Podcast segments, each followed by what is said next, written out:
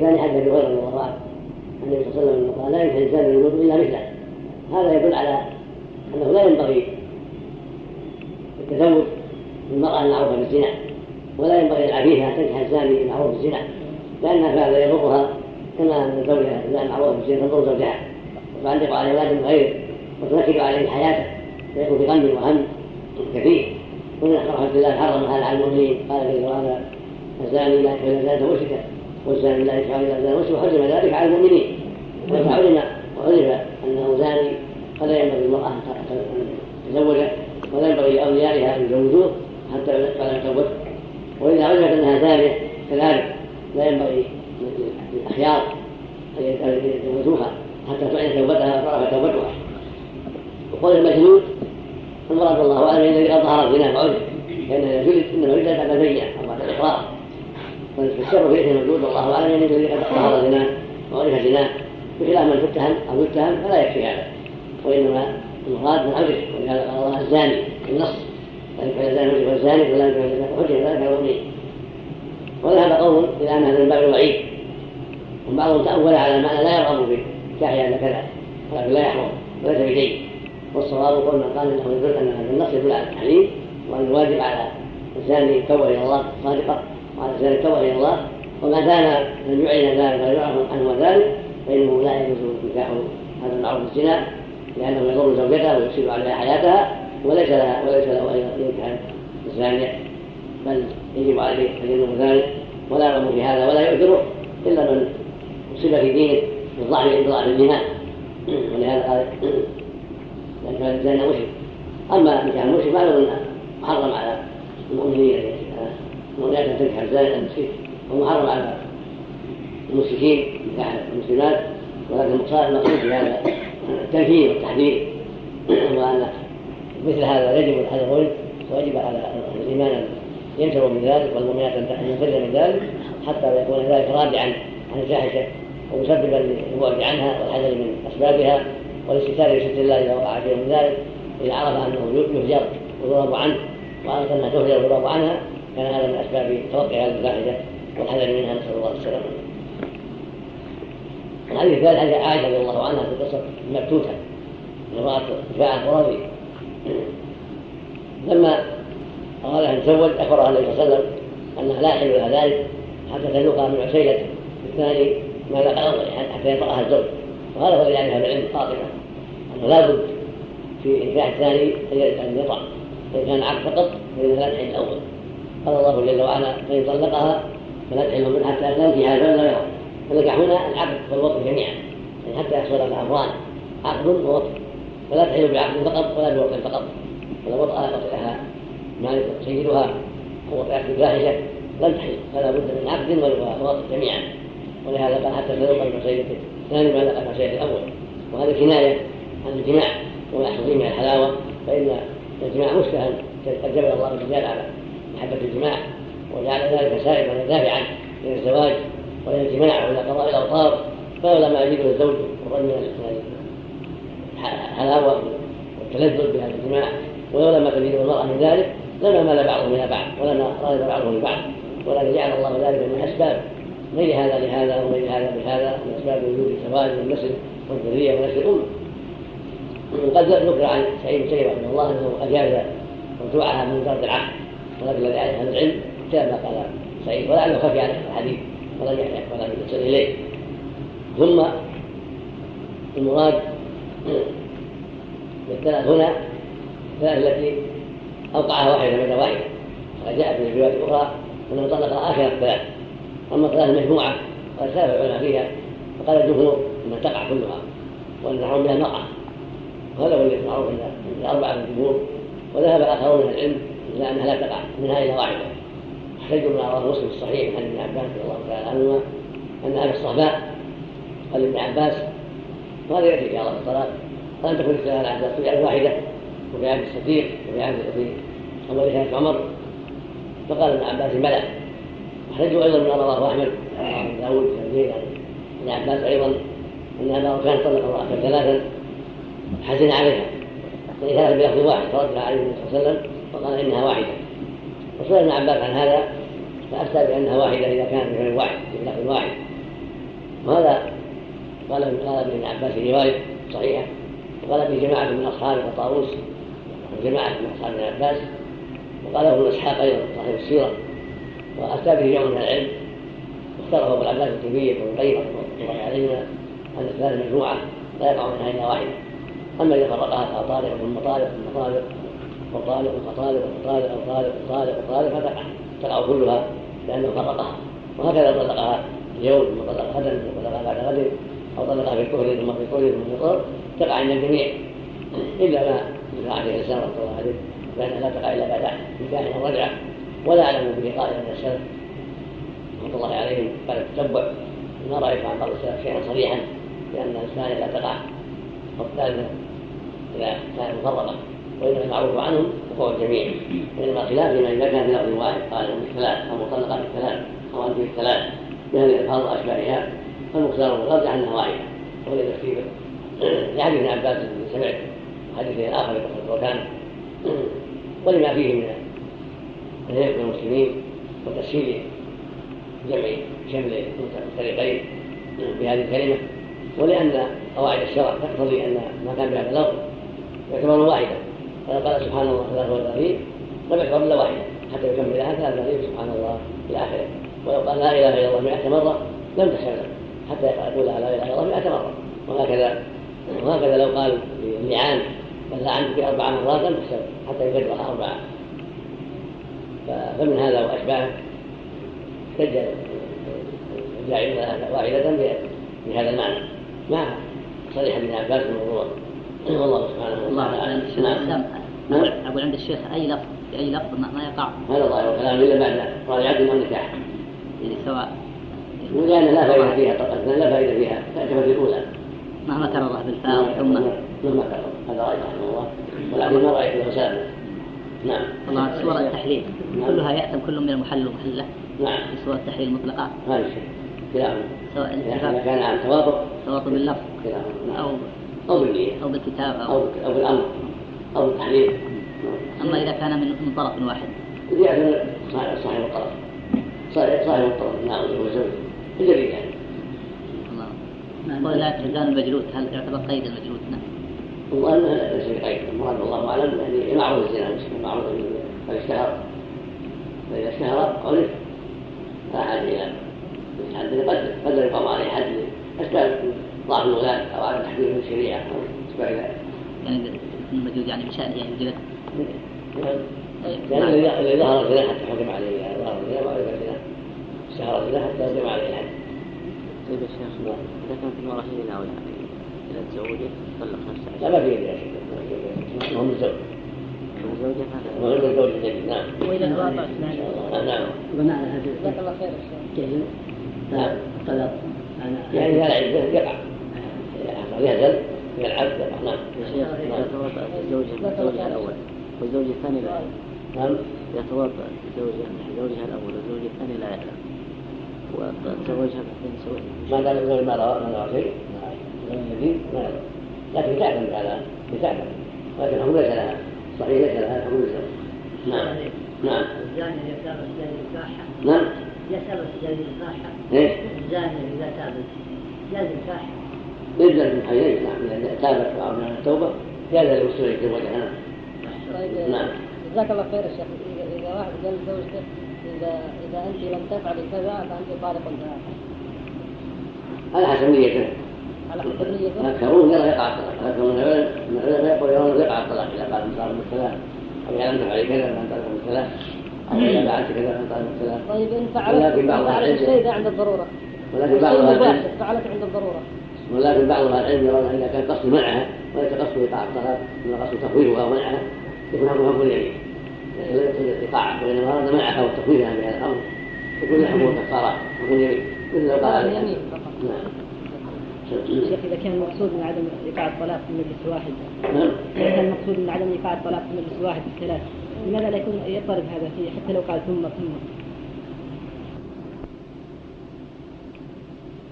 المرأة المرأة زوجة ما زالت العدة يلحقها الطلاق. فإذا كررت لا يلحق الطلاق. زوجة حتى تنتهي عدتها وقد وقع الطلاق لا يلحقها. أما إذا قال أني طالق بالثلاث مثل قال سبحان الله ثلاثة أو أو أو قال سبحت الله ثلاثة قال سبحت الله مئة. ليس له حكم سبح مئة. نعم. قال سبحان الله سبحان الله سبحان الله. لا لا هكذا يقال انت قال نعم إذا إذا نوى الثلاث صلى الله عليه وسلم أطلقها بلفظ الجميع ونوى الثلاث النية. ما تقع واحد. قال صحيح ما على واحد. وفي القول الآخر يقع تقع الثلاث تكون النية نعم. نعم. لا الصحيح الثاني لا يقع إلا واحد من باب الصحيح العدة نعم. نعم. شيخ إذا كان في العدة وطلقها بالثلاث رابعة مثل كما إذا كان لفظ واحد. قال الثلاث فإنها تعتبر واحدة لا إذا كان نعم. يعني خاصة. تقع ما جاء في العدة. يقع الثلاث لا ما عليه إلا بعد زوج. نعم. ولا حامل ولو فيها أربعة. نعم. خمسة. نعم. والسلام على نبينا محمد وعلى آله وصحبه أجمعين. قال رحمه الله تعالى باب الكفاءة والخيار عن ابن عمر رضي الله عنهما قال قال رسول الله صلى الله عليه وسلم العرب بعضهم أكفاء بعض والموالي بعضهم أكفاء بعض إلا حائكا أو حجاما رواه الحاكم وفي إسناده راوي لم يسمى واستنكره أبو حاتم. وله شاهد عند البزار عن معاذ بن جبل بسند منقطع. وعن فاطمة بنت قيس رضي الله عنها أن النبي صلى الله عليه وسلم قال لها إنكحي أسامة رواه مسلم. وعن أبي هريرة رضي الله عنه أن النبي صلى الله عليه وسلم قال يا بني بياضة أنكحوا أبا هند وانكحوا إليه. وكان حجاما. رواه أبو داود والحاكم بسند جيد. وعن عائشة رضي الله عنها قالت خيرت بريرة على زوجها حين عتقت. متفق عليه في حديث طويل. ولمسلم عنها أن زوجها كان عبدا. وفي رواية عنها كان حرا والأول أثبت. وصح عن ابن عباس عند البخاري أنه كان عبدا. وعن الضحاك بن فيروز الديلمي عن أبيه رضي الله عنه قال قلت يا رسول الله قال قلت يا رسول الله إني أسلمت وتحتي أختان. فقال رسول الله صلى الله عليه وسلم طلق أيتهما شئت. رواه أحمد والأربعة إلا النسائي وصححه ابن حبان والدار قطني والبيهقي وأعله البخاري. وعن سالم عن أبيه رضي الله عنه أن غيلان بن سلمة أسلم وله عشر نسوة فأسلمن معه. فأمره النبي صلى الله عليه وسلم أن يتخير منهن أربعة. رواه أحمد والترمذي وصححه ابن حبان والحاكم. وأعله البخاري وأبو زرعة وأبو حاتم. واصحابه بعد فهذه الاحاديث السته فيما يتعلق بالكفاءه والخيار الكفاءه المماثله كون الزوج والزوجه متماثلين فيما يتعلق بانسابهم وصفاتهم وصناعاتهم ونحو ذلك مما ذكره العلماء في هذا الباب. والخيار التخيير في النكاح وفي ما إذا أسلم وعنده أكثر من أربع وفيما إذا أسلم وعنده أختان أو امرأة عمتها أو خالتها فإنه يخير. الحديث الأول حديث عمر رضي الله تعالى عنهما عن النبي صلى الله عليه وسلم قال العرب بعضهم أكثر بعض والموالي بعضهم أكثر بعض إلا حائكا أو حجاما رواه الحاكم الحاكم وفي إسناده راوي لم يسم استنكره أبو حاتم يعني الرازي ومحمد بن دش الرازي رحمه الله الإمام المشهور وله شاهد عن معاذ الجبل عند البزار بسند منقطع. حديث هذا ذكره الفقهاء وذكره غيرهم من العلم؟ واحتج به بعضهم على أن الموالي هم العتقاء والعجم ليسوا موالي للعرب وأن المرأة متى زوجت بعتيق أو بعجمي فلأوليائها أن يمنعوا ويعترضوا. واعتمدوا على هذا الخبر وما جاء في معناه من بعض الآثار. وذهب آخر من العلم إلى أنهم أكفى وأن العبرة بالدين فقط لا بالنسب وأنهم أكفى العرب والموالي والعجم كلهم أكفى إذا استقام الدين. احتجوا بقوله جل وعلا يا أيها الناس إنا خلقناكم من ذكر وأنثى وجعلناكم شعوبا وقبائل لتعارفوا ما قال لتفاخروا؟ إن أكرمكم عند الله أتقاكم. وقالوا هذا الحديث لا يصح عن النبي صلى الله عليه وسلم بل هو حديث موضوع. قال أبو حاتم هذا الحديث كذب عن النبي صلى الله عليه وسلم لا يصح عن النبي صلى الله عليه وسلم. وقال الدار قد لا يصح عن النبي عليه الصلاة والسلام. قال ابن عبد البر هو خبر موضوع عن النبي صلى الله عليه وسلم لا يصح. وبهذا يعلم أن هذا أن هذا أن هذه الحجة لاهية وأن الحديث هذا لا, لا يستقيم فيها. ولو صح لم يكن معناه أنه يسخ بالنكاح أو أنهم يعترضون وإنما يدل على أنه ينبغي يهم لهم أن يلاحظوا هذا وأن يعتنوا بهذا. لو صح الخبر وأن يزوج بعضهم من بعض حفظا لأنسابهم وضبطا لأنسابهم عند اختلاط والتغير. وهكذا الموالي والأعجام فيما بينهم لئلا تختلط أنسابهم. هذا هو صح الخبر لكن الخبر غير صحيح عن النبي صلى الله عليه وسلم بل وكما قال العلماء موضوع وليس بصحيح. ومما يدل على عدم صحته وعدم اعتباره الحديث الثاني حديث فاطمة بنت قيس الفهرية القرشية رضي الله عنها أن النبي صلى الله عليه وسلم قال أنكحي أسامة وهو من زيد بن حارثة مولى النبي صلى الله عليه وسلم وعتيقة وهو أيضا ابن عتيقة زيد كان مولى للنبي صلى الله عليه وسلم وهكذا ابنه أسامة. فخطب أسامة فاطمة وخطبها معاوية بن أبي سفيان خطبها أيضا أبو جهل وهو أيضا من قريش. فجاءت تستشير النبي صلى الله عليه وسلم قالت يا خطبني أبو جهل خطبني معاوية خطبني أسامة. وكانت مطلقة من أبي عمرو بن حفص بن المغيرة المخزومي. المخزوم من من بطون قريش المعروفة. فقال لها النبي صلى الله عليه وسلم أما معاوية فصعود لا مال فقير. لا مال له. وكان ذاك الوقت فقير. وأما أبو جهم فلا يضع عصاه عن عاتقه. في لفظ فضرب للنساء يعني حار الطبع يضرب النساء ينكح أسامة فاختار لها أسامة مولاها ونظر لها أن تصرف نظرها عن معاوية وعن أبي جهل مع كونهما من قومها ومن عشيرتها ومن قريش. فدل ذلك على أن الكفاءة في النسب غير معتبرة وأنه لا حرج في أن تزوج أن تزوج قرشية من ليس بقرشي ومن هو مولى أو عجمي وزيد بن حارثة من قبيلة الكلب والكلب من العرب معروفين لكنه أتى عليهم العتق مر عليهم الرق. فاسترق زيد واسترق فكان عتيقا بعد ذلك. والمقصود أنه مولى عتيق ومع هذا لم يلتفت النبي صلى الله عليه وسلم إلى ذلك. وزوجها قالت ارتبطت به وجعل الله في خير وارتبطت به هذا من أدلة القائلين بأن الكفاءة من جهة النسب ليست شرطا ولا غير معتبرة والحديث الثاني حديث أبي هريرة أيضا في أبي هند قال النبي صلى الله عليه وسلم الأنصار عشر الأنصار أنكحوا أبا هند وأنكحوا إليه وكان حجاما رواه أبو داود وحسن جيد. هذا يدل على أن الحكام أن الحجام كف لقراباته غير الحجامين. فإذا كان في قرابة من يناسبه من البنات فلا بأس يزوج. وإن كان حجاما أو دباغا أو صانعا أو حدادا. ومما يدعى بطلان الحديث الأول قول إلا حاجة كان حجاما. وروى أن بعض رواته الضعفاء زادوا فيه زاد فيه أو دباغا. إن حاجة كان حجاما دباغا.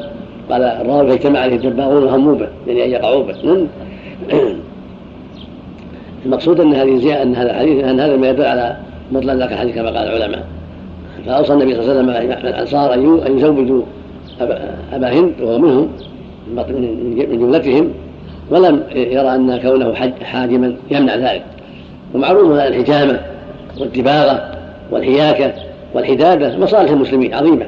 فالذي يقوم بها جدير بأشهر لا بأن يهمل فإهماله وعدم تزويجه معناه تنفير من هذه الصناعات النافعة للناس. فهو غلط في المعنى. كما أنه غلط في الحكم فهو غلط في المعنى. لأن هذه الصناعات التي يحتقرها الكثير من الناس إذا جعل من يتعاطاها ليس بكف لمن لا يتعاطاها معناه إهمالها والإعراض عنها وتضييعها. حتى يقول كل واحد أنا أخشى أن لا يزوجوني أو يضيعوني. المقصود أن هذا من من مكارم الأخلاق ومن محاسن الإسلام الذي جاء بهذا وأن صاحب الصنعة لا يقدح فيه بصنع صنعته بل ينبغي يجل ويقدر ويزوج لأنه محسن للمجتمع بتعاطيه الصنعة التي تنفع المجتمع من حياكة أو نجازة أو خياطة أو نجارة أو حدادة أو حجم يحتاج إلى ذلك أو ما أشبه هذا من حاجات البلد حاجات المسلمين. الحديث الرابع حديث عائشة رضي الله عنها في قصة بريرة. بريرة هذه امرأة كانت رقيقة عند بعض العرب في المدينة. فباعوا فكاتبوها على نفسها بتسع أواق كل سنة وقية يعني اشترت نفسها منهم بتسع أواق كل عام تعطيهم أوقية أربعين درهم. الوقية أربعين درهم. يعني ب 360 ريال. 360 درهم. مؤجلها أقساطا. فجاءت إلى عائشة تستشيرها تستعينها في المال وتقول لها إني كاتبت سادتي على هذا فأعينيني على. فقالت رضي الله عنها إذا حب أهلك أن أعدها لهم وأعطيهم إياها نقدا ويكون ولاؤك لي فعلت. فحبت أن تعتقها وتشتريها نقدا. فذهبت الجارية إلى أهلها فقالت لهم فقالوا لا إذا يكون الولاء لنا فلما بلغ النبي صلى الله عليه وسلم خطب الناس عليه الصلاة والسلام وذكرهم بين لهم أن الولاء من اعتق وقال لعائشة اشتريها واعتقيها فاشترتها واعتقتها. فخير زوجها مغيث. فلما خير في زوجها في زوجها مغيث بعد عتقها فاختارت نفسها. لا حاجة لي فيه. هذا يدل على أن المرأة إذا كانت تحت عبد واعتقت فإن لها خيار إن شاءت بقيت معه وإن شاءت لم تبقى معه. والسر في هذا أنه مملوك ليس له تصرف في نفسه فقد يضرها بقاؤه بالملك وقد يتيسر لها المطلوب منه قد يسافر به سيده قد يمنعه سيده من قضاء حاجتها فلا فعليها مشقة. فلهذا خيرت لما اعتقد تحت عبد والصحيح أنه عبد مملوك كما روى البخاري عن ابن عباس وكما في رواية عائشة الصحيحة عنها. وعن هذا فيه فوائد كثيرة. منها أن المرأة إذا اعتقت تحت عبد فإن شاءت بقيت معه وإن شاءت تركت ما لم يجامعها إذا تعلم الحكم. فإذا جامعها وتعلم الحكم بطل خيارها كما نص عليها العلم وكما جاء في بعض الروايات الأخرى. ومن فوائد هذا الخبر أن الكتابة حق وجائزة كما قال الله فكاتبوهم ومن فوائدها أيضا أنه لا بأس أن يشترى المكاتب بثمن معجل وينجز لأهل الكتابة حقهم وأن الولاء من أعتق. صار هذا هو أحد أسباب الميراث المجمع عليها. منها أن الصدقة على الفقير صدقة. وإذا أهدى منها الأغنياء أو عزمهم أو دعاهم إلى الوليمة تكون لهم هدية لا يحرم عليهم. فإذا كان الفقير ماله من الزكاة ثم دعا الأغنياء للوليمة فلا بأس أن يكون منها لأنها صارت في حقه مالا له. وهدية منه للأغنياء وبني هاشم وأشبه ذلك فلا حرج في مكة ولهذا قال النبي في قصة بريرة لما أخبروه أن البرمة فيها لحم الأرجاء البريرة قال وعليها صدقة ولنا منها هدية. وفيه فوائد أخرى كثيرة ذكرها جماعة ذكرها الشارح الكلماني ذكرها الشارح هنا. قال بعضهم غنيت إلى 120 المقصود أن في فوائد جمة وهو حديث عظيم جميل. والذي يخصنا منه التخيير وكان مريد يحبها كثيرا زوجها. وكان يبكي في الأسواق يريدها حتى أن النبي صلى الله عليه وسلم أشار عليها بذلك وذهب إليها النبي صلى الله عليه وسلم وشفع إليها. قال إني أشفع لك إليك أن أن تبقي مع مريد قال لا حاجة لي فيه إلا أن تأمرني. قال لا أمرك ولكني أشفع. قال ما دام تشفع لا, لا حاجة لي فيه. وكان يبكي كثيرا. ويروى عنه صلى الله عليه وسلم قال إني لا أعجب. من حب مغيث للبليغة وكرهتها لأمورها والله المستعان. والحديث الخامس حديث الضحاك بن فيروز الديلمي. عن أبيه فيروز هذا الديلمي هو أحد أبناء اليمن وهو من فارس الذين قدموا اليمن أرسله كسرى إلى اليمن لافتتاح اليمن واستقروا فيها مع يزن مدة طويلة. قبل الإسلام بقي فيها أولئك الغوص وصاروا يمنيين. منهم فيروز هذا. وهذا هو الذي قام على الأسود العنسي لما ادعى النبوة هو جماعة معه فقتله وجاء إلى النبي صلى الله عليه وسلم في آخر حياة النبي صلى الله عليه وسلم. فالمقصود أنه قاتل هو قاتل الاسود العنسي وأسلم رضي الله عنه وتحته أختان. فقال له النبي طلق إحداهما. آه، يعني اختار إحداهما وطلق الاخرى فاختار إحداهما وطلق الاخرى احتج به العلماء على أن الإنسان إذا أسلم وعنده أختان أو أمرأة وأمها أو امرأة خالتها أو عمتها يختار إحداهما ويطلق الأخرى. ولا ينظر في نكاحه الأول ولا يبطل يبقى على نكاحه الأول. وهكذا جميع من أسلم من العرب لم يغير النبي نكاحهم فأقرهم على نكاحهم. فدل ذلك على من أسلم يقر على نكاح السابق ولا يفتش عنه. ولكن إذا أسلم وعنده من يمنع بقاؤها كأخته أو عمته يفارقها. وإن كان عنده من يمنع الجمع بينهما فارق إحداهما كالأختين والمرأة وعمتها والمرأة وخالتها. يؤمر بما يقتضيه الشرع. والحديث صحيح. ولعله البخاري بأن الضحاك لم يعرف أنه سمع من أبيه والرابع عن الضحاك وهو أبو وهب الجيشاني لم يعرف أنه سمع من الضحاك. لكن الدار قطري وابن حبان والبيهقي صححه لأنهما متعاصران وفي وقت واحد وعلى طريقة مسلم وجماعة المتعاصران يحمل يحمل روايتهما على السماع. ولهذا صحه الحديث الذي هو حديث الضحاك ولا ينتفي إلى ما على به البخاري رحمه الله في هذا؟ لأنهما يمانيان متعاصران في زمن واحد فالظاهر سماع هذا من هذا وسماع هذا من أبيه. والحديث الخامس شهادة حديث ابن عمر في قصة غيلان ثم هذا الذي ذكر دل عليه حديث الحاكم محل إجماع بين أهل العلم.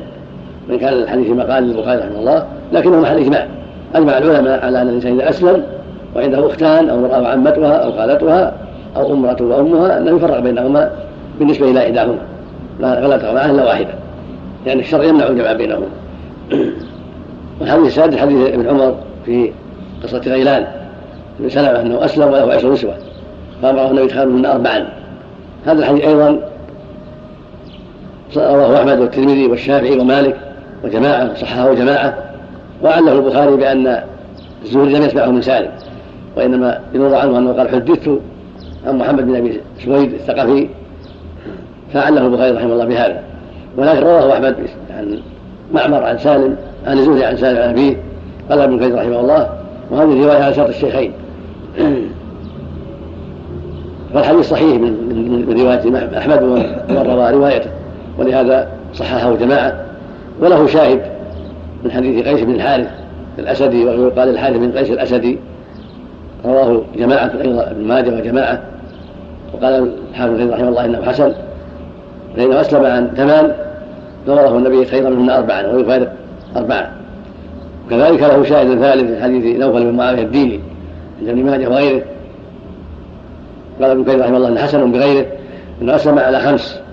فامره النبي أن يفارق منهن واحدة. قال فعمدت إلى امرأة عجوز قديمة معي لها ستون عاما فطلقتها وابقيت أربع هذه الاحاديث ما جاء في معناها حجة عند الأئمة على انه ليس للمسلم يجمع أكثر من أربع وأما نكاح النبي صلى الله عليه وسلم تسعا فهذا من خصائص صلى الله عليه وسلم وليست لغيره. أما الأمة فليس لهم يتزوج أكثر من أربع قال ابن كثير رحمه الله واجماع أهل العلم. إجماع أهل العلم على ذلك. قال إلا انه يروى عن طائفة الشيعة جواز التسع وبعضهم أجاز أكثر ولكن لا عبرة بخلافهم. وكذلك قال صاحب الحاشيه المقنع أنه إجماع أهل العلم إلا انه يروى عن قاسم بن إبراهيم خلاف ذلك وأن يحتج بقصه فعل النبي صلى الله عليه وسلم ولكن ليس ليس هذا بشيء. وقال قاسم بن إبراهيم لا أعرفه ولا تتبعته من هو قاسم بن إبراهيم ولكن لم يذكر خلاف الشيعة الذي ذكره ابن كثير رحمه الله. فالحاصل الذي عليه أهل العلم وأهل السنة والجماعة هو تحريم النكاح أكثر من أربع هذا الذي عليه أهل العلم وهو شبه الإجماع. منهم لهذه الأحاديث التي جاءت في الباب. والله تعالى أعلم. عدم ثبوت السماع. يعتبر عله عند البخاري دائما. هذا ظاهره. إلا يثبت اللقاء. حتى يثبت اللقاء. ولو في ولا مرة. حتى في غير الصحيح يعني. حتى في غير الصحيح. يمشي يمشي لا يلتفت فيه لا. النبي صلى الله عليه وسلم ما يلتفت العقد الاولى نعم حديث ابن عمر يصل إلى درجة الوضع. نعم. بعضهم افتى لبعض افتى بعض. هكذا حكم عليه الدار قطني و وابن عبد البر وابو حاتم. ابن عبد البر وابن حاتم حكم عليه بالضبط والدار قال لا يصح. نعم. نعم. بسم الله الرحمن الرحيم. قبل نحو 15 سنة تقريبا حين كنت في المدينة. وكان يصوم يوم ويفطر يوم. ثم استمر في الصيام والعصار يفطر. صار يصوم الدهر. فأخبرني بعض أصحابه. قلت يا أخي كيف؟ وأنت من أهل الحديث؟ تعرف السنة؟ تصوم الدهر كله؟ هذا غلط. ما ينبغي منك قال إني ما عاد أشتهي الطعام. ما عاد أشتهي الطعام مرة. صارت سبتي ما عاد أشتهي. وإذا أفطرت ضاق صدري ما لا أشتهي شيء ولا أنه أشرب ماء فقط. فإذا صمت استرحت. وصرت أصوم الدهر ما عاد ما ما أستأنس بالماء ولا بالطعام ولا غيره. هذه هذه من العقوبات. نعم. العقوبات نعم. ما حاولت انه يفطر كل يوم ما ما عاد يستطيع ما ما أرغب الاصل نفسي ما ترغب الاكل ولا الشرب نعم. عادت لها بسم الله الرحمن الرحيم الحمد لله رب العالمين والصلاة والسلام على نبينا محمد وعلى آله وصحبه أجمعين. قال رحمه الله تعالى وعن وعن ابن عباس رضي الله عنهما قال رد النبي صلى الله عليه وسلم ابنته زينب على أبي العاص بن الربيع بعد ست سنين في النكاح الأول ولم يصبح نكاحا. رواه أحمد والأربعة إلا النسائي وصححه أحمد والحاكم. وعن عمرو بن شعيب عن أبيه عن جده رضي الله عنهم أن النبي صلى الله عليه وسلم رد ابنته زينب على أبي العاص بنكاح جديد. قال الترمذي حديث ابن عباس حديث ابن عباس أجود إسنادا والعمل على حديث عمرو بن شعيب. وعن ابن عباس رضي الله عنهما قال أسلمت امرأة فتزوجت فجاء زوجها فقال يا رسول الله إني كنت أسلمت وعلمت بإسلامي فانتزعها رسول الله صلى الله عليه وسلم من زوجها الآخر وردها إلى زوجها الأول. رواه أحمد وأبو داود وابن ماجه وصححه ابن حبان والحاكم. وعن زيد بن كعب بن عتبة عن أبيه رضي الله عنه قال تزوج الرسول قال تزوج رسول الله صلى الله عليه وسلم العالية من بني غفار فلما دخلت عليه ووضعت ثيابها رأى بكشفها بياضا فقال البسي ثيابك والحقي بأهلك وأمر لها بالصداق. رواه الحاكم وفي إسناده جميل بن زيد وهو مجهول واختلف عليه في شيخه اختلافا كثيرا.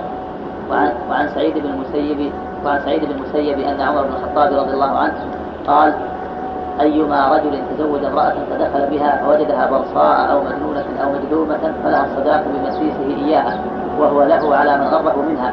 أخرجه سعيد بن منصور ومالك وابن أبي شيبة ورجاله ثقات. وروى سعيد أيضا عن علي نحوه وزاد أو بها قرض فزوجها بالخيار فإن مسها فلها المهر بما استحل من فرجها. ومن طريق سعيد بن المسيب أيضا قال قضى به عمر بن العنين أن يؤجل سنة ورجاله الله اللهم صل على محمد وعلى اله واصحابه هذه الأحاديث الاثار في بقية أحكام اسلام أحد الزوجين وفي عيوب النكاح. حديث ابن عباس النبي وسلم ابنته زينب على أبي الاصل بن الربيع. ولم يعد نكاحا بعد ست سنين. حديث جيد كما رواه أحمد والسنن النسائي أحمد والحاكم. وهو معتمد عند أهل العلم انه رد ردها عليه من دون تجديد نكاح. وما ذاك إلا أنها انتظرته ولم تزل. ترجو اسلامه حتى أسلم وهداه الله. وكان بين ذلك ست سنين بين هجرتها وبين اسلامه فإن هاجر سنة اثنتين من الهجرة وهو أسلم عام الفتح. صار بينهما ست سنين. وبين تحريم المسلمين على المسلمات على الكفار وبين الإسلام سنتان. التحريم وقع في سنة حديبية لهم نحل لهم ولهم نحل لهن.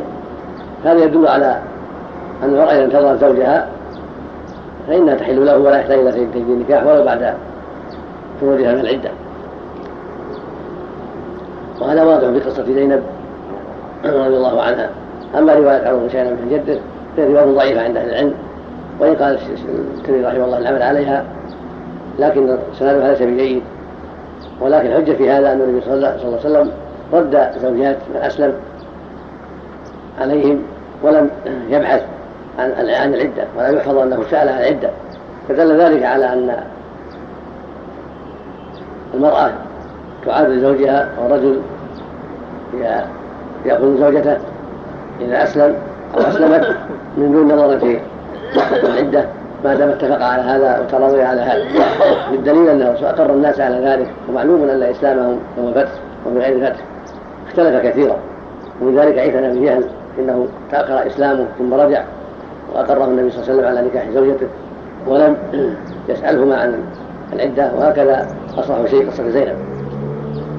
وهكذا قصة المرأة من حديث عباس الثالث فإنها فإنه أسلم وقال يا رسول الله إنها عليت الإسلام وتزوجت فانتزعها من زوجها الأول الآخر وردها إلى زوجها الأول.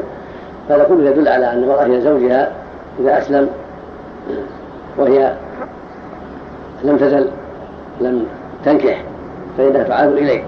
قال الجمهور يشترط في ذلك العدة تكون بقية في العدة. كان فإذا كانت قد خرجت العدة لم تعد إليه إلا بنكاح جديد.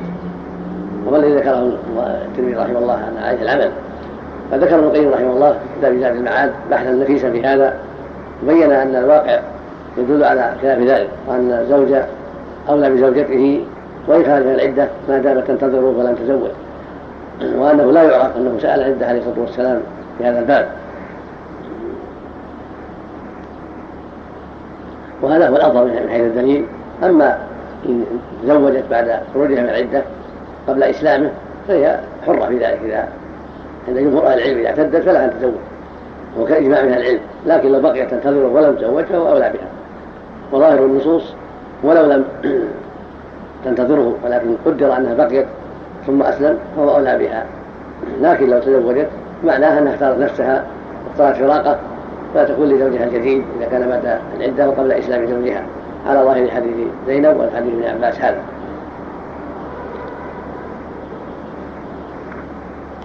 أما حديث زيد بن كعب بن عزرة في قصة العالية من غفار أن الرسول زوجها فوجد بها بياضا فأمرها تذهب إلى أهلها. هو حديث ضعيف لا تقوم بحجة ولا يعتبر بضعف جميل للجهالة جميل والاضطراب في الحديث. كما ذكر المؤلف رحمه الله المقصود أن حديث ضعيف. ولا وليس من أخلاقه صلى الله عليه وسلم. أن يقع من مثل هذا فإنه صلى الله عليه وسلم ستير حي لطيف الأخلاق جميل الأخلاق عليه الصلاة والسلام. فليس من الظاهر أنه يقول لها حال المرأة هذا اذهبي لأهلك المقصود أن هذا الحديث ضعيف. ولا تقوم بحجة في هذا الباب. وإنما الحجة في عموم قول صلى الله عليه وسلم من غشنا فليس منا وما جاء في أخبار التدليس والغش أنه لا يجوز للمسلمين أن يغشوا الزوج ولا يغش الزوجة بل واجب البيان والنصح. والنبي عليه الصلاة والسلام قال أدنوا النصيحة. فليس للزوج أن يكتم عيوبه وليس لها أن تكتم عيوبها. وليس لأوليائها أن يكتموا عيوبها. لا برص ولا جذام ولا غيره. بل اختلف الناس في عدد العيوب. على أقوال. قال ابن القيم رحمه الله وأجمع ما يقال في هذا وأولى ما يقال في هذا أن كل عيب ينفر أحد الزوجين من الآخر فهو معتبر ولا يتقيد بعدد معلوم العلماء ذكروا عيوبا كثيرة وبعضهم اقتصر على عيوب قليلة وبعضهم قال لا ترد بعيب ولا يفسخ لعيب وهذه أقوال غير ناهضة ولا سيما قول من قال ترد بعيب وقول غير ليس بناهض ومخالف لما جاء عن الصحابة بل ترد بالعيوب كالجذام والبرص والجنون. كما جاء في هذا عمر وعلي هنا. ولكن هل يقتصر على هذا على الجنون والجذام والبرص والقرن. قرن قيل لحمة تكون في الفرد تسده عن الجماع وقيل عظم يكون في الفرد وربطه في النهاية بإسكان الراء. قال إنه عظم شيخ السن. فهذه العيوب الأربعة وما جاء في معناها. عيوب تسوغ للزوج الفسخ والرجوع على غره بما بدا من الصداق. ولكن هناك عيوب أيضا لم يرتضوها عيوبا وهي أشد من كثير من العيوب التي ذكروها. كما لو زوجوها عمياء ولم يخبروه فإن هذا عيب كبير. أو زوجوها مقطوعه اليدين أو مقعدة ما تمشي أو مقطوعه احد اليدين أو الرجلين. فالعيوب ينبغي أن تكون مثل العيوب أو أشد من بعض العيوب التي ذكر. فالحاصل أن كان القيم رحمه الله في هذا أولى وأظهر. وأن من أدخل زوجته على زوجها بمثل هذه العيوب فقد غش وهكذا الزوج إذا كان أقطع أو كفيف أو مقعد ولم يثبت خبر الزوجة فلها الخيار. كما لها خيار لو كان مجبوبا أو عنينا أو برص أو أبرص أو مجذوم أو ما أشبه ذلك. الحاصل أن هذا المقام مقام عظيم. الواجب على القضاة فيه أن يعتنوا به وأن يوصفوا الرجال والنساء في ذلك. ولا يتقيد بعيوب معدودة. فتكون هناك عيوب لا تطع البال تقع. لم يذكرها الأولون. فمتى وجد عيب واضح يؤذي المرأة أو يؤذي الرجل أو ينفر أحدهما من الآخر ستروه ولا يبينوه فهو عذر له في الفسخ. والمطالبه بمهره المغار وعذر لها في الفسخ هي أيضا. والله المستعان. أما العنين فهو الذي لا يستطيع الجماع. عنده شهوة قد تكون عنده شهوة ولكن لا ينعظ لا ينعظ لا ينعظ ذكره. يعني لا يقوم ذكره للجماع لا يقع على الجماع. لضعف في ذكر لصغره وضعفه ونحو ذلك. فهذا يمهل كما قال عمر سنة فان جامع والا فلها الفسخ قال بعضهم ولعل السر في ذلك أن تمر على الفصول الأربعة الشتاء والصيف والربيع والخريف. فقد تكون علته من أجل عدم مناسبة بعض الفصول فتزول في فصل اخر وهذا قول وجهه وفي كل حال هو عذر عذر للحاكم فإذا مرت سنة على هذا الرجل ولم يجامع فلقاضي العذر في هذا أن يفسخ والمرأة لها العذر في ذلك. وهذا كل ما لم يرضوا بالعيب من رضى بالعيب. بطل فسخ أو وجد الدلالة الواضحة على الإرادة فلا فسخ له. ولكن هذا كله إذا كان لم يرضى بالعيب ولم يجد ما يدل على الرضا فإن له خيار متى وجدت العيوب المنفرة التي لا يحصل معها الوئام والسكن والأنس والمتعة. والله المستعان. نعم. الله ما في إلا آثار. نعم. أقول ما في إلا آثار. ما له إلا آثار والعموم والأدلة. العموم مرشدة وأشبه. نعم. نقف على عشرة النساء. السفر قريب نوقف على عشرة النساء إن شاء الله. نعم. نعم مثل هذا. نعم. إذا قالت أن النبي صلى الله عليه وسلم هذا في هذا أول ما طلقها بعد ما طلقها. تريد ترجع زوجها الأول. فأمرها النبي صلى الله عليه وسلم. أن تبقى حتى تنكح زوجها ينفق قصيلتها وتلد قصيلتها نعم. قال الله سبحانه نعم. في حديث ابن عباس من جزاء من زوجها الآخر وردها إلى الأول. وجعل حقه بالأول. نعم. لأنها أسلم قد علمت بالإسلام قبل أن تنكح. ولو تم النكاح. نعم. ولو ظاهر النص ولو تم النكاح. نعم. لكن ما بين هل خرج اسم العدة أو لم تخرج لا هو لا بد انها بعد بعد عيد. النبي استفصل عدم الاستفصال دل على العموم. هذا المقصود من غير رحمه الله. نعم. كان بعد بعد العدة أو قبلها. نعم. بعد العدة هذا محل بحث أما قبل العدة باطل النكاح. نعم. نعم. إذا قرر إذا قرروا أنه يعني لا يمكن وليس عنده قدرة على النكاح فهل ولو ولو لا أنا لا صبر لأن الطبيب قد يخطئ ويغلط الصبر سنة هو هو الأولى وهذا ينبغي. نعم. بسم الله عليك نعم كلام ابن القيم رحمه الله. هو منضبط نعم. كلام ابن القيم رحمه الله. عام ليس منضبط القاضي يجتهد القاضي يجتهد نعم. طبعا حديث ابن عباس الثاني يؤيد حديث ابن عباس الأول. نعم. يؤيد الحديثان يؤيد احدهما الآخر والترمذي هنا. والذي مشى عليه الجمهور نعم. الجمهور مشى على. ظاهر يعني العمل أهل العلم اما قول الشارح لاهل العراق ليس بجيد. مراد عمل أهل العلم يعني أهل الحديث. نعم. لأنه مو بيحكي عن العراق يحكي عن أهل العلم. نعم.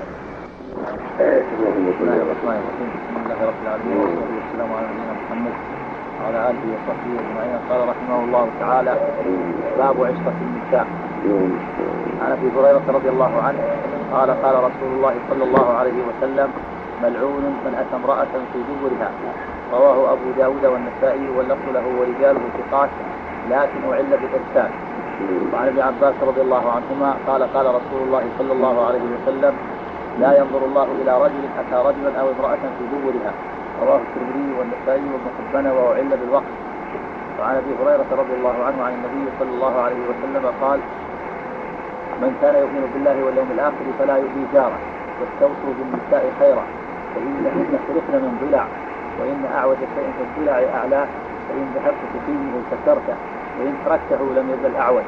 واستوصوا بالنساء خيرا متفق عليه واللفظ للبخاري. ولمسلم فإن استمتعت بها استمتعت بها وبها عوج. وإن ذهبت تقيمها كسرتها وكسرها طلاقها. وكسرها طلاقها. نعم. وعن جابر رضي الله عنه قال كنا بسم الله الرحمن الرحيم الحمد لله رب العالمين والصلاة والسلام على نبينا محمد. وعلى آله وصحبه أجمعين. قال رحمه الله تعالى باب عشرة النساء. عن أبي هريرة رضي الله عنه قال قال رسول الله صلى الله عليه وسلم ملعون من أتى امرأة في دبرها. رواه أبو داود والنسائي واللفظ له ورجاله ثقات لكن أعل بالإرسال وعن ابن عباس رضي الله عنهما قال قال رسول الله صلى الله عليه وسلم لا ينظر الله إلى رجل أتى رجلا أو امرأة في دبرها. رواه الترمذي والنسائي وابن حبان وأعل بالوقت وعن أبي هريرة رضي الله عنه عن النبي صلى الله عليه وسلم قال من كان يؤمن بالله واليوم الآخر فلا يؤذي جاره واستوصوا بالنساء خيرا فإنهن خلقن من ضلع وإن أعوج شيء في الضلع أعلاه فإن ذهبت تقيمه كسرته وإن تركته لم يزل أعوج. واستوصوا بالنساء خيرا متفق عليه واللفظ للبخاري. ولمسلم فإن استمتعت بها استمتعت بها وبها عوج. وان ذهبت تقيمها كسرتها وكسرها طلاقها. وكسرها طلاقها. نعم. وعن جابر رضي الله عنه قال كنا مع النبي صلى الله عليه وسلم في غزاة. فلما قدمنا المدينة ذهبنا لندخل فقال أنزلوا حتى تدخلوا ليلة يعني عشاء لكي تنتشط الشعيرة وتستحج المريضة متفق عليه. وفي رواية للبخاري إذا أطال أحدكم الغيبة فلا يطرق أهله ليلا. وعن أبي سعيد الخدري رضي الله عنه قال قال رسول الله صلى الله عليه وسلم إن شر الناس عند الله منزلة يوم القيامة. الرجل يفضي إلى امرأته وتفضي إليه ثم ينشر سرها. أخرجه مسلم. بسم الله الرحمن الرحيم. اللهم صل وسلم على رسول الله وعلى آله وأصحابه. أما بعد هذا الباب في عشرة النساء. يعني في باب في عشرة الرجال للنساء للأزواج. قد أمر الله بالإحسان العشرة. في كتابه الكريم حيث قال سبحانه وعاشروهن بالمعروف. وقال ولهن مثل الذي عليهن بالمعروف وللرجال عليهن درجة.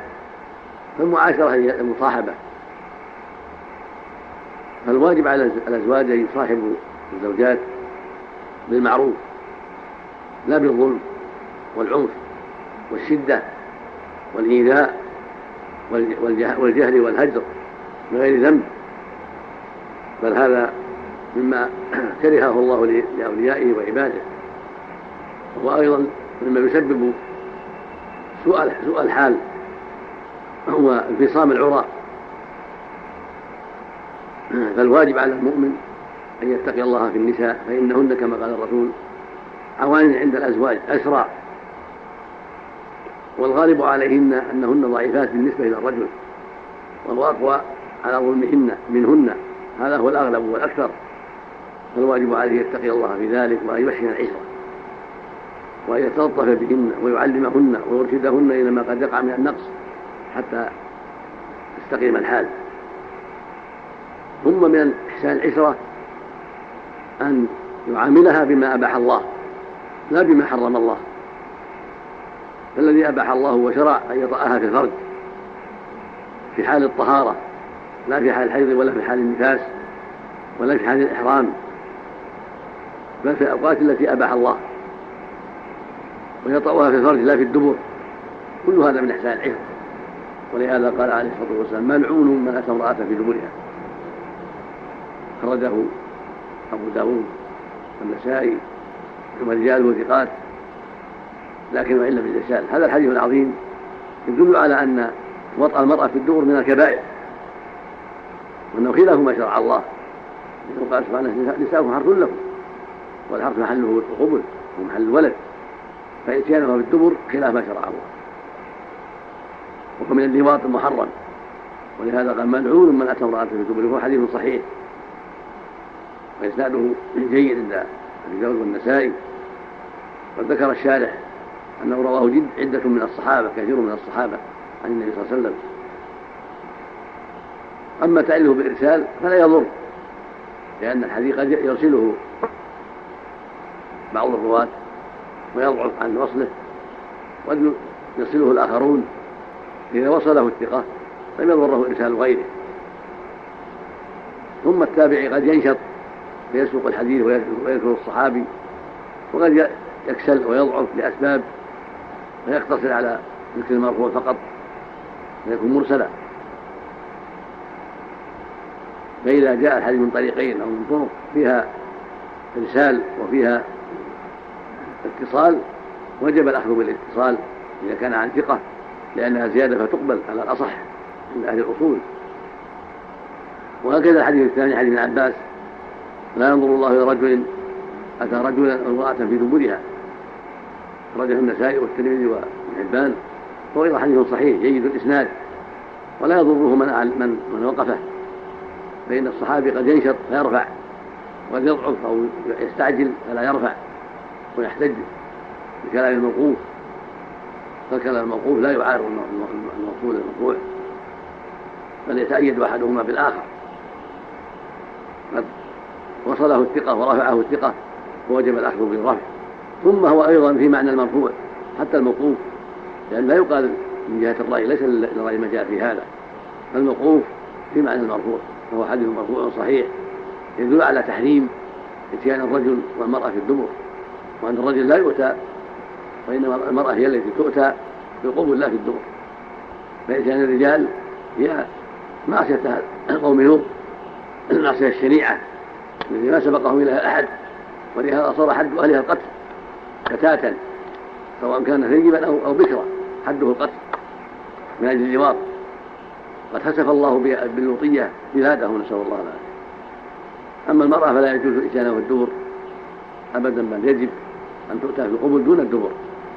وهذا يعني إذا لم يتم منه ما يسوغ لها الفسق وطلب الفراق لأنه جريمة شنيعة.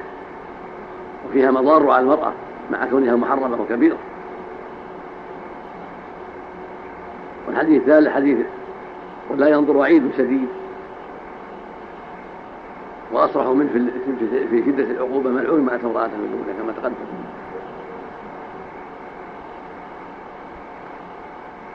في بعض الروايات لعن الله من عمل عمل قوم لوط لعن الله من عمل عمل قوم لوط لعن الله من عمل عمل قوم لوط.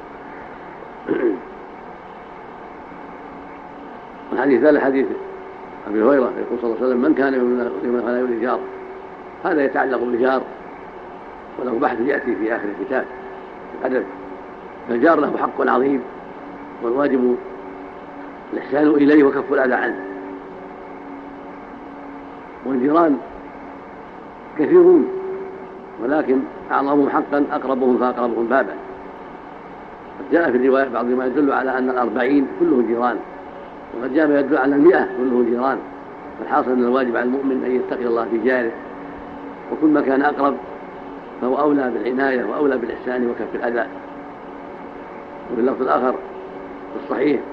من كان يؤمن الله واليوم الآخر فليكرم جاره فليحسن إلى جاره. قال في الحديث الصحيح ما زال جبريل سيرجع حتى ظننت أنه سيورثه. الجار له حق كبير يجب الإكرام والإحسان وكف الأذى. والجار ثلاثة. جار مسلم قريب له ثلاثة حقوق حق الجوار حق الإسلام حق القرابة. وجار مسلم.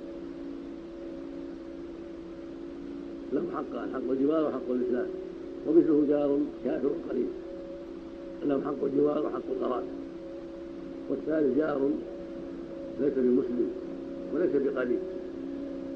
فله حق واحد وهو حق الجوار. فليتقي الله المؤمن في جاره وليكف عنه الأذى. ومن الإكرام له والإحسان النصيحة وبذل المعروف. مع كف الاذى قال واستوصوا بالنساء خيرا فإنهن خلقن من ضلع تفتح لامه وتسكن والفتح أشهر. ضلع وضلع. وإن أعوج شيء من الضلع ثلاث إشارة أنها خلقت من أعلى الضلع ومن عوجه وهذا هو الغالب عليهن العوج وعدم الاستقامة ولكن الواجب على المؤمن المعاشرة الطيبة أن يغض النظر عن كثير من عوجاجها الذي يمكن أن يتحمل وأن يجتهد في إصلاحها وتوجيهها مع الصبر على بعض الإعوجاج حتى تستقيم الحال وتستمر العشرة ويبقى النكاح. ولهذا قال فإن ذهبت تقيمها كسرتها وإن تركتها لم تزل. وإن ذهبت تقيمه يعني ضلع كسرته وإن تركته لم يزل أعوج. الآخر فإن ذهبت تقيمها كسرتها وكسرها طلاقها. يعني المرأة فينبغي المؤمن أن يتغاضى عن الأمور الكثيرة التي يمكن تحملها. حتى تبقى المودة والمحبة والمعاشرة. ولا مانع من المناصحة والتوجيه فيما أمكن من تلك الاعوجاجات لعلها تزول. لكن لا يدقق. بل يتحمل ويتصبر. في اللفظ الآخر أن المسلم لا يفرق مؤمن مؤمنا لا يفرق مؤمن مؤمنا إن سقط منها خلقا رضي منها خلقا آخر. المؤمنة ستجد فيها أخلاقا كريمة. فلا يحملك ما قد ترى من عوج على فراقها بل اصبر لأن فيها من الأخلاق الطيبة ما يدعو إلى الصبر عليها. ومعلوم ما لدى النساء من الإعوجاج. فالكريم يتغاضى عن بعض الإعوجاج ويتحمل ويعلم أنه أيضا لا يخلو من عيب هو أيضا فليتحمل كما أنها تتحمله في بعض اعوجاجه فليتحملها هو أيضا في بعض اعوجاجها وليعلم أنه لا بد من عوج لكن قد يقل وقد يكثر. هذه طبيعتها وهذا خلقها الذي خلقها الله عليه.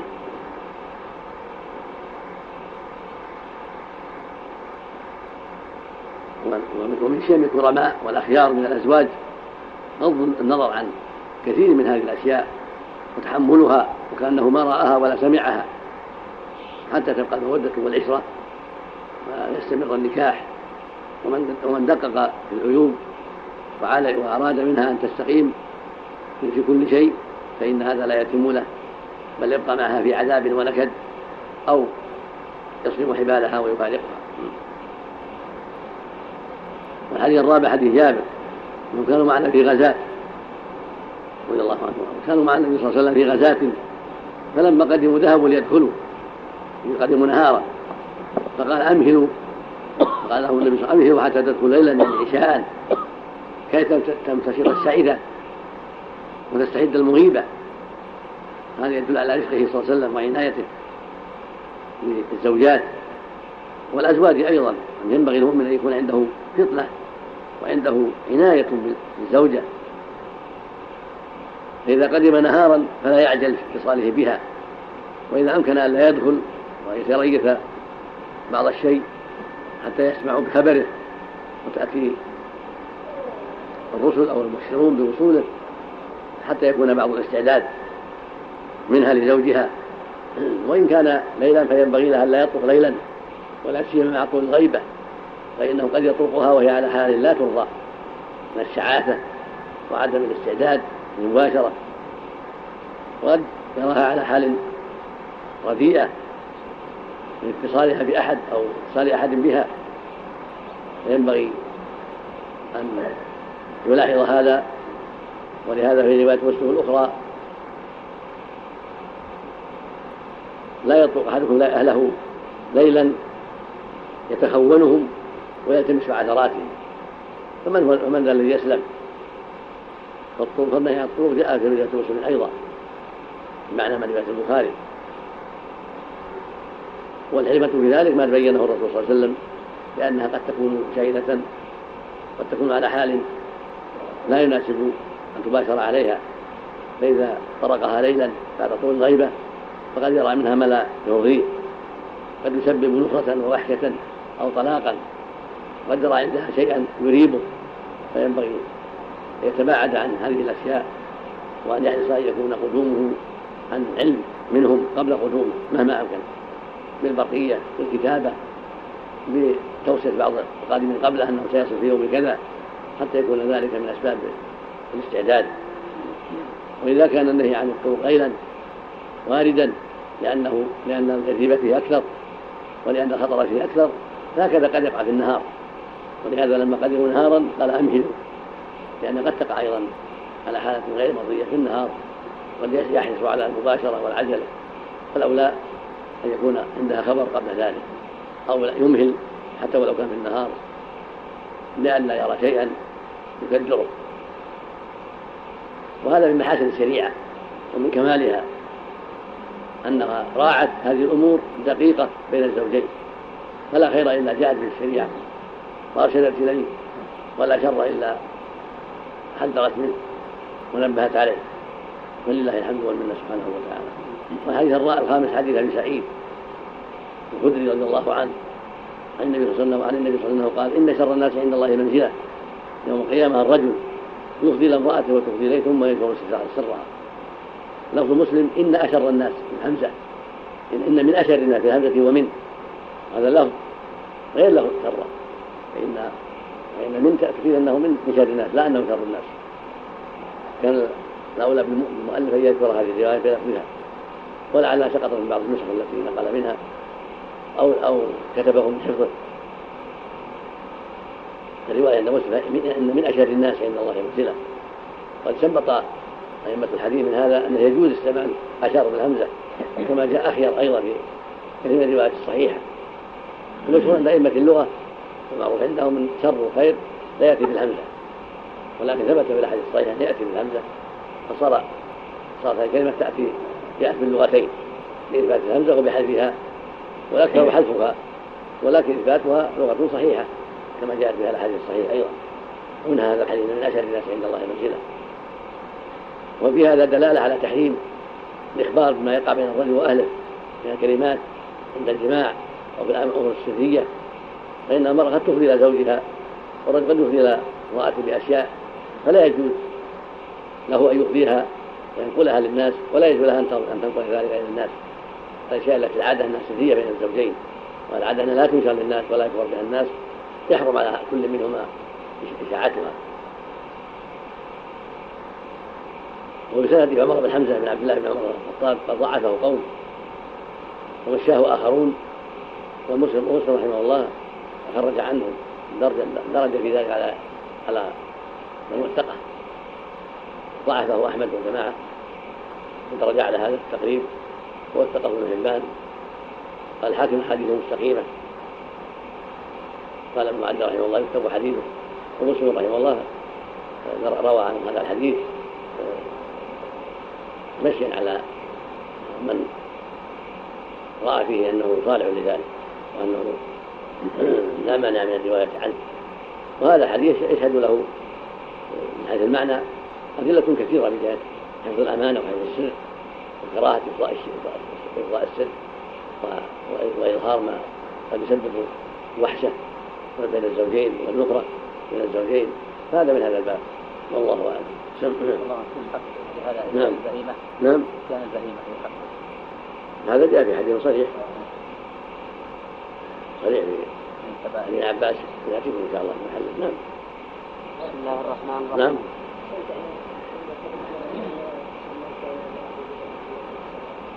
ما أنا ما أقول شيء. نعم. بسم الله الرحمن الرحيم. اللهم الحمد لله رب العالمين والصلاة والسلام على نبينا محمد وعلى آله وصحبه أجمعين. قال رحمه الله تعالى وعن حكيم بن معاوية عن أبيه رضي الله عنه قال قلت يا رسول الله ما حق زوج أحدنا عليه قال تطعمها إذا أكلت وتكسوها إذا اكتسيت. ولا تضرب الوجه ولا تقبح ولا تحفر إلا في البيت. رواه أحمد وأبو داود والنسائي وابن ماجه وعلق البخاري بعضه وصححه ابن حبان والحاكم. وعن جابر رضي الله عنهما وعن جابر بن عبد الله رضي الله عنهما قال كانت اليهود تقول إذا أتى الرجل امرأته من دبرها في قبلها كان الولد أحول. فنزلت نساؤكم حرث لكم فأتوا حرثكم أن شئتم. متفق عليه واللفظ لمسلم. وعن ابن عباس رضي الله عنهما قال قال رسول الله صلى الله عليه وسلم لو أن أحدكم إذا أراد أن يأتي أهله قال بسم الله. اللهم جنبنا الشيطان وجنب الشيطان ما رزقتنا. فإنه إن يقدر بينهما ولد في ذلك لم يضره الشيطان أبدا. متفق عليه. وعن أبي هريرة رضي الله عنه عن النبي صلى الله عليه وسلم قال إذا دعا الرجل امرأته إلى فراشه فأبت أن تجيء فبات غضبان لعنتها الملائكة حتى تصبح. متفق عليه واللفظ للبخاري. ولمسلم كان الذي في السماء ساخطا عليها حتى يرضى عنها. بسم الله الرحمن الرحيم اللهم صل وسلم على رسول وعلى اله أما بعد هذه الأحاديث الاربعه كلها تتعلق بعصة النساء. الحديث الأول حديث حكيم معاوية. بن حيدة القشيري عن أبيه أنه سأل النبي صلى الله عليه وسلم ما حق زوج أحدنا عليه؟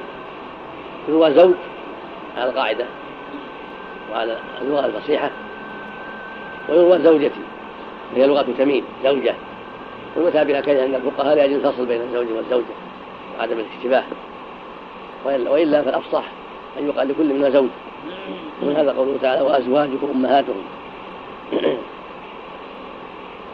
جمع زوج فالزوج كلمة مشتركة تطلق على الرجل والأنثى جميعا كل منها زوج ويقال للأنثى زوجة يعني لكن لغة قريش ولغة السورة تسوية بين الرجل والمرأة في هذا.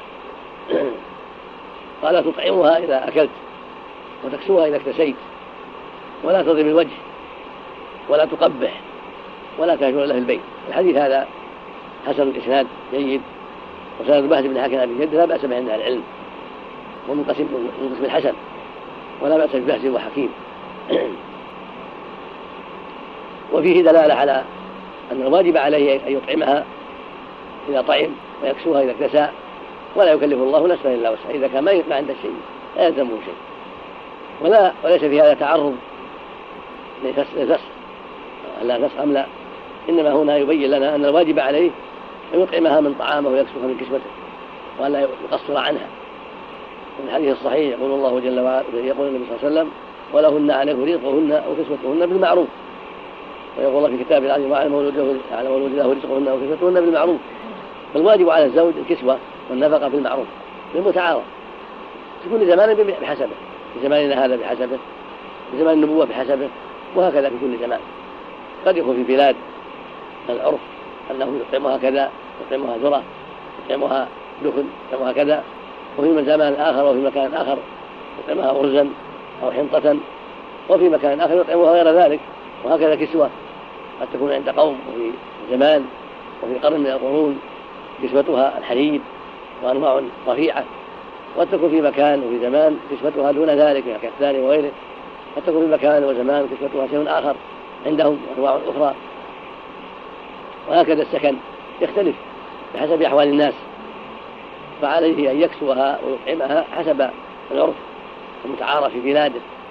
ولا يكلف من أهل المغرب بأن يطعمه ويكسو كسوة أهل المشرق ولا العكس كل في زمانه ومكانه بحسبه. ولهذا قال بالمعروف يعني المتعارف المشتهر الموجود بين أهل ذلك المكان وأهل ذلك الزمان. وإذا عجز قد دلت الأدلة الأخرى على أن لها الفسخ. كما يأتي في محل إشارة في النفقات. فإذا عجز الزوج عن الكسوة والنفقة فلها أن تطلب الفراق لأنها لا صبر لها على هذا. فلها أن تطلب ولها أن تصبر كما صبر. ويأتي في مرسل سعيد الدين الرجل لا ينفق على أهله قد يفرقوا بينهما. الحاصل أن لها عذرا إذا لم يجد ما يكسوها ولم يطعمها ولكن صبرت معه فهو خير وأفضل. قول صلى الله عليه وسلم ولا تقبح ولا تقبل الوجه ولا تقبل البيت هذا يبين لنا وجوب الآداب الشرعية وأن ليس له أن يؤذيها ويظلمها ويتعدى عليها بل يجب عليه أن يحسن إليها في العشرة ويرفق بها. وعاشرهن بالمعروف تقدم قول صلى الله عليه وسلم استوصوا بالنساء خيرا لكن اليوم سيرة الناس مع مع مع النساء سيرة قبيحة إلا من عصم الله. وهذا ينشأ من قلة العلم وضعف الإيمان. كل ما قل العلم وضعف الإيمان ساءت سيرة الأزواج وساءت سيرة الزوجات جميعا. هؤلاء وهؤلاء. كما تكونون يولى عليكم. تسوء سيرتها ويسوء وتسوء سيرتها. وقد يتعدى عليها وقد تعدى عليه. وكله ينشأ عن ضعف الإيمان وعن قلة العلم والبصير. فإذا قوي الإيمان أدى الحق الذي عليه. وإذا قوي العلم أدى الحق الذي عليه. وهكذا هي. إذا قوي إيمانها وقوي علمها أدت ما عليها وصارت امرأة صالحة تعرف قدر الزوج وتؤدي حقه. وهو كذلك. فعلى حسب علمهما وقوة إيمانهما تصلح الأحوال تستقيم السيرة وعلى حسب ضعف علمهما وضعف إيمانهما تسوء الحال بينهما. وقوله لا تقبح لا تقل قبحك الله. لا تسبها لأن هذا يسبب سوء الحال وتغير الأحوال. قبحك الله. أو لعنك الله أو قاتلك الله أو ما أشبه هذا من السب فإن هذا لا يليق ولا ينبغي من الزوج ولا يجوز له. بل ينبغي لها الخطاب بالتي أحسن والكلام الطيب والمخاطبة المناسبة التي تسبب رقتها عليه وطاعتها له وميولها إليه ومحبتها له. أما الألفاظ الشريعة فيتسبب بغضها ونفرتها وسوء سيرها معه. كذلك ضرب الوجه إذا ضربها لا بأس يضربها عند الحاجة ضربا خفيفا عند عدم استقامتها وعدم تأثرها بالنصيحة والهجر يكون الضرب آخر الطب آخر الكي آخر الطب الكي يعني آخر الطب الضرب الخفيف الذي قد ينفع فيها. أما إذا كان الضرب لا ينفع يزيدها شرا فلا ينبغي أن يضربها بل يعالج الأرضاع بعلاج آخر غير الضرب. وإذا ضرب فليجتنب الوجه والمقاتل يضربها في محلات خفيفة. في الألية في الكتف في الفخذ شيء ما ما ما في خطر. أما ضربها في الرأس ضربها في الوجه ضربها في الشاكلة هذا كله خطر. الحاصل المقصود أنه يتجنب المواضع التي فيها خطر وأشدها وأخطرها الوجه. إن الرسول صلى الله عليه وسلم نهى عن ذلك. فضرب الوجه محرم لا في حق المرأة ولا في حق الولد ولا في حق الدابة ولا في حق العبد ولا في حق الجارية. لا يجوز ضرب الوجه أبدا. ثبت في الصحيحين أنه نهى عن ضرب الوجه. فلا يجوز للمؤدب أن يضرب الوجه لا للتلميذ ولا للزوجة ولا للخادم ولا للدابة ولا يوسم في الوجه أيضا حتى الوسم لا يجوز الوجه الدابة. كل هذا ممنوع محرم لأنه شيء في الوجه وربما أثر الضرب أثرا قبيحا قد يصعب زواله والوجه رقيق وهو جامع المحاسن للإنسان فلا يجوز أن يتعدى عليه. لا في حد ولا في تأديب ولا في حق زوجة ولا في غير ذلك. ولا تهجر إلا في البيت يعني أنه إذا أراد الهجر لا يهجر خارج خليها في البيت حالها لا يهجرها في البيت يعطيها ظهره إذا نام يكون في فراش آخر أما جعله أما تركها في البيت وحدها هذا فيه أخطار قد تفضي إلى شر وفساد لكن يهجرها في البيت عند الحاجة إذا دعت الحاجة إلى هجرها لسوء عشرتها يهجرها في البيت بالكلام لا يكلمها يعطيها ظهره يغير كلامه معها يجعل فراشا له آخر يومين ثلاث أربع أقل أكثر لعلها تتعلم. يعني يعالج الأوضاع بالأمور المناسبة التي ليس فيها محذور شرعا. لكن إذا كان كنا زوجات أسأنا جميعا وتمالأنا فإنه يشكرهن خارج البيت لأن هجرها في البيت ما يمكن حينئذ يمكن يكون بدنه عندهن جميعا. وكونه هاجر لهن. هذا يجوز عند الحاجة إليه كما فعله النبي صلى الله عليه وسلم. أما إذا كان مع واحدة والأذى مع واحدة فيهجرها في البيت وحدها. الحديث الثاني حديث جابر بن عبد الله الأنصاري رضي الله تعالى عنه وعن أبيه. قال كانت اليهود تقول إذا أتى الرجل زوجته من دبرها في قبولها جاء الولد أحول يعني يصاب بحول العين وهو تغير في العين استباب فيها يسمى حولا.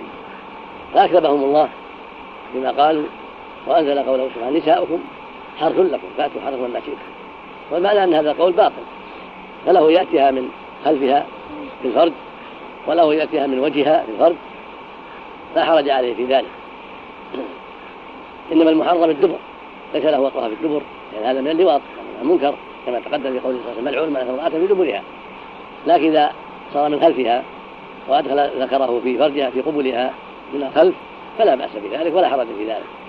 فقد يأتيها من وهي على جنب وقد يأتيها وهي مستلقية أو مجبية كل هذا لا حرج فيه. نساء حرمنا ما شئتم. يعني كيف شئتم؟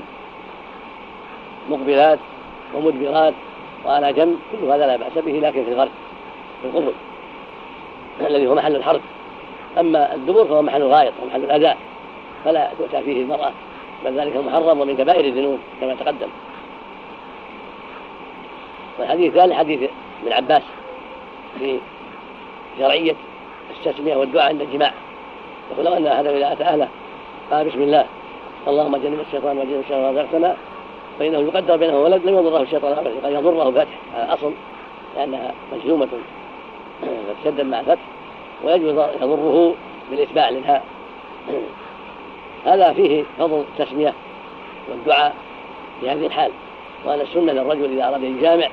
أن يسمي الله ويأتي بهذا الدعاء عند الجماع. إذا أراد أن يجامع زوجته قال بسم الله. اللهم جنب الشيطان وجنب الشيطان ما رزقتنا. ينبغي المؤمن أن يلاحظ هذا وأن يستعمله ويكون عادة له عند الجماع. عملا بتوجيه النبي صلى الله عليه وسلم وحرصا على أن يكون الولد سليما من الشيطان ببركة هذا الدعاء. هذا الدعاء العظيم هذه التسمية فيها خير عظيم. هي من أسباب سلامة الولد وخروجه على الطريقة السليمة المحمدية الإيمانية فإنه إذا سلم من الشيطان فهذه غنيمة عظيمة وفائدة كبيرة.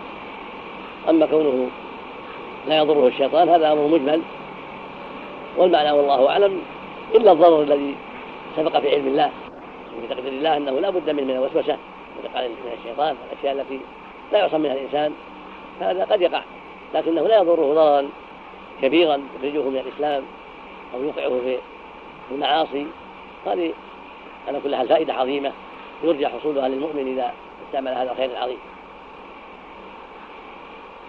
والحديث الرابع حديث أبي هريرة. إذا دعا الرجل امرأته إلى فراشه فأبت أن تجيء لعنته ذلك حتى تصبح متفق عليه. واللفظ الآخر كان ساخطا عليها. حتى يرضى عنها. هذا وعيد شديد.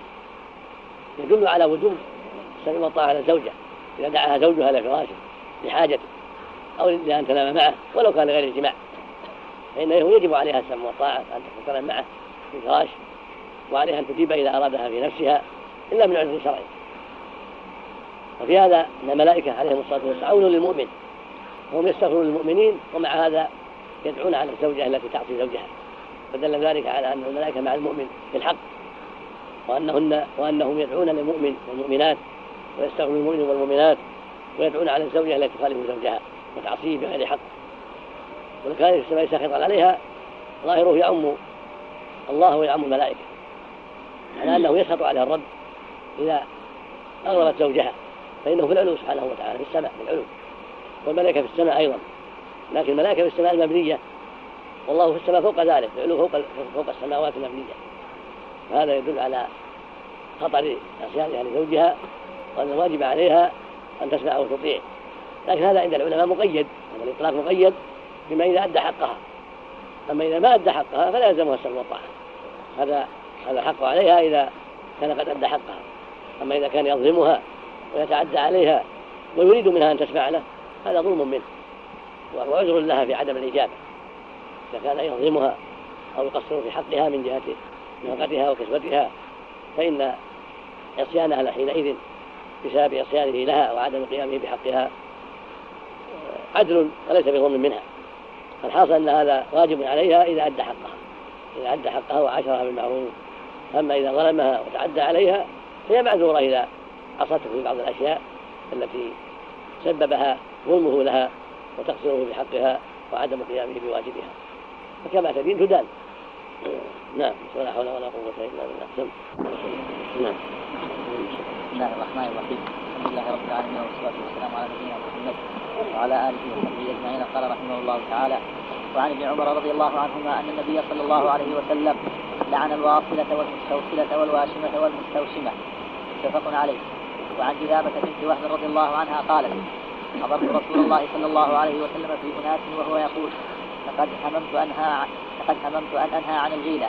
فنظرت في الروم وفارس فإذا هم يغيلون أولادهم فلا يضر ذلك أولادهم شيئا. ثم سألوه عن العدل. فقال رسول الله صلى الله عليه وسلم ذلك الوأد الخفي. رواه مسلم. وعن أبي سعيد الخدري رضي الله عنه أن رجلا قال يا رسول الله إن لي جارية وأنا أعزل عنها وأنا أكره أن تحمل وأنا أريد منها ما يريد الرجال.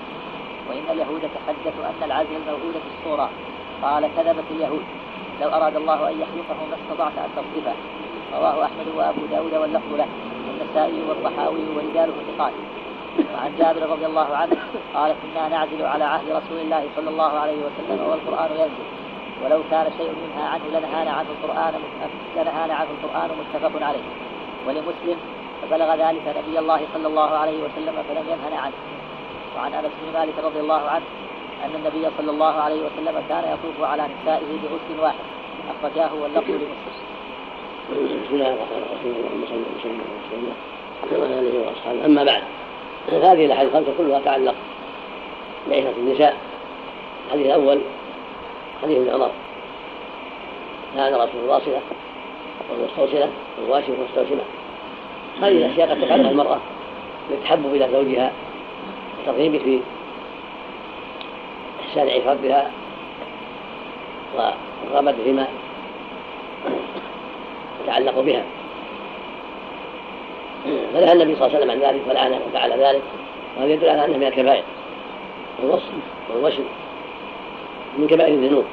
ولهذا جاء فيه اللعن والوصل هو ان تصل شعرها بشيء من الشعر أو غيره مما يجمله ويكثره ويضخمه أو يطوله. والواصله فاعلة. والمستوصله الطالبه لهذا الشيء الطالبه فيه. وكلاهما حرام. ليس لها أن تفعل وليس لها أن تطوف. وفي مسلم عن جابر رضي الله عنه قال سجل النبي صلى الله عليه وسلم أن تصل المرأة برأسها شيئا. وهذا يعم الشعر وغير الشعر. لأن قد يوجد أشياء ليس من الشعر ولكنها تدخل فيه ويحصل بها الالتباس والجمال والكثرة. فنهى النبي عن هذا بما فيه من التدليس والتزوير والوشم غرس البشرة في شيء من الإبرة أو نحوها حتى يخرج الدم. ثم يحشى بشيء من نيل أو كحل أو نحو ذلك. فيبقى نقاط في الوجه أو في اليد أو في الذراع. وهذا تفعله الجاهلية السابقة يفعله الناس. فنهى النبي عن هذا عليه الصلاة والسلام لما فيه من تغيير خلق الله ولا يزال كثير الناس يفعلون في أفريقيا وغيرها. وهذا حديث يدل على أنه من كبائر الذنوب وأنه لا يجوز. ولو زعمت أنها فعلت هذا للجمال أو لترغيب زوجها فيها أو لأسباب أخرى كل ذلك ممنوع. لأن الحديث أطلق ولم يفصل فدل على أن هذا العمل ممنوع مطلقا على أي حال أرادت المرأة. أما ربط الشعر بشيء لئلا ينتشر ولا سيما البنات الصغار فليس من الوسط. لأن بعض الناس بعض لا يشتبه وليس وصلا إذا ربط أو قبل أطرافه بشيء حتى لا ينتشر حتى يطول ويستقيم فليس داخلا في هذا عند أهل العلم. ويسمون هذا الغرامل يعني ضبطه بشيء من الأثار أو الأسلاك أو نحو ذلك شيئا. واضحا لا يكون في وصل ولا يكون في اشتباه وإنما فرضت بأطرافه من الحاجة إلى ذلك. وهو غير داخل فيما جاء فيه النهي. والحديث الثاني حديث جدامة بنت وهب أخت أخت المحصن من أمة. الأسدية رضي الله عنها. ذكر العلماء أنها من السابقات. التي أسلمن سابقا. وهاجرنا مع بني أسد إلى المدينة. ذكرت عن النبي صلى الله عليه وسلم وهي بالدال المهملة وبالدال المعجمة يقال جدامة ويقال جدامة وأنكر بعضهم الإعجام قال حافظ داود رحمه الله. من قال جدامة فقد صحت لكن ذكر آخرون يقع فيها مدامة وجدامة جميعا كما قال العسكري والجماعة. فهي مربوطة بهذا وهذا. وإن أنكر الدار في الإعجام لكنها محفوظة عند أئمة آخرين ذكرت مسألتين إحداهما الغيلة. يقول رضي الله عنه أنها سمعت يقول لقد أنا الغيلة. فضربت في الروم وفارس فإذا هم يغيلون أولادهم فلا يضر ذلك أولادهم شيئا. الغيلة بالكسر وطء المرأة. وهي ترضع أو وطئها وهي حامل. فسر بهذا وهذا. قالوا لأن هذا قد يضر الولد لكن النبي صلى الله عليه وسلم أخبر أن هذا لا يضر وأن هذا مجرد. فإن وطئها ترضع ووطأها وهي حامل لا يضر ذلك شيئا. قد فعلها ذلك الروم وفارس. فلم يضر أولادهم هذا فيه الاستدلال بما فعله الأعداء. في الأمور العادية والأمور الطبيعية وأن لا بأس يستفاد من تجارب الأمم كافرة وغير كافرة في معرفة ما ينفع الناس. من دواء أو علاج لمرض أو تجنب أشياء ضارة. فإذا عرف من الأمم أنها تفعلها ولا يضر فلا بأس باستعماله. وإنما الذي اشتهر وعرف وإرضاعها والطفل معها وهي حامل. ويقال لها غالته يقال لها غيلة في هذا ومعروف لأنه يضر الولد كونها ترضعه وهي حبلى هذا يضره ويرعب وافي المشروع عند النساء والرجال المجربين. وأما كونه يطأها وهي ترضع أو يطأها وهي حامل فلا يضر ذلك شيء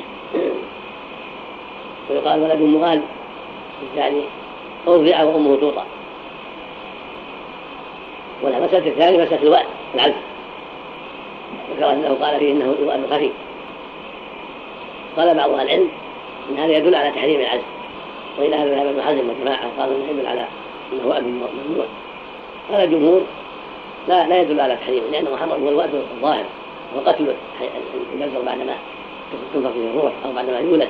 هذا هو وكان الجاهلية تئد أولادها بعد الوضع تئد البنات بعد الوضع وربما وأتتهن وهن ينفين ويدودن فالحاصل أن الوأد وقتل الطفل الصغير وإذا نفخت فيه الروح وقتل فكذلك هو وأد أما كونه يعزل عنها ولا يلقي المني في فرجها لمصلحة بل إذا أراد الإنسان أخرج ذكره وألقاه خارجا هذا هو العزل قد يفعله الرجل تارة في الأسفار تارة عند العدو تارة لأنه يضرها الحمل معها أولاد كثيرين تحمل هذا على هذا فيخشى على أولاده وعليها النظار قد يفعلها للجواري. لأنه يرغب في بيعها ولا يرغب أن تحمل. الحاصل أن العزل على الصحيح لا بأس به للمصلحة ولا حرج فيه. للحديث الآتي حديث ابن سعيد وحديث جابر. وأما تسمية النبي صلى الله عليه وسلم خفي فيحتمل أنه أراد بذلك التنفير منه لا تحريمه. ويحتمل هذا كان أولا ثم نسخ أما العكس ومن يقال إنه ناسخ لما فعله الصحابة فليس بشيء كما قال حزم فالأقرب أنه يراد به أحد الأمرين إما التنفير منه لأن المطلوب وجود النسل كثرة الأولاد. كثرة الأمة فنفر منه بهذا أو المراد بذلك القتل والمنع من الوالد ولكن كان هذا أولا ثم نسخ بما دل عليه حديث جابر وحديث أبي سعيد من جواز العزل وأن القرآن ينزل ولم ينههم وخصوصا ذلك قد بلغ عنهم فلم ينههم. فدل ذلك على أن أن تسميته وأدا لا يقتضي المنع منه ولا يقتضي تحريمه. ومثل هذا ما يفعل من الأدوية لمنع الحمل إذا كان المصلحة كحبوب أو إبر أو أشياء تؤكل غير ذلك. إذا كان المصلحة والحاجة من امرأة مريضة يضرها الحمل أو أو رحمها يغره الحمل لأمراض عرضت له أو تجد هذا على هذا وتحمل بسرعة ويضرها في التربية في البدن فلا مانع من تعاطيها بعض التحميل الذي الحمل إلى سنة سنة الرضاع حتى تقوى على قول الغزال من حرص حاجاته والإحسان إليه فهذا لا بأس أما تعاطي الرجال فلا ينبغي لأن الأمة مطلوبة مطلوب منها أن في كثرتها وقوتها من هذا قد تزوج من الرسول فإن المكاتبة يكون يوم القيامة الأنبياء يوم القيامة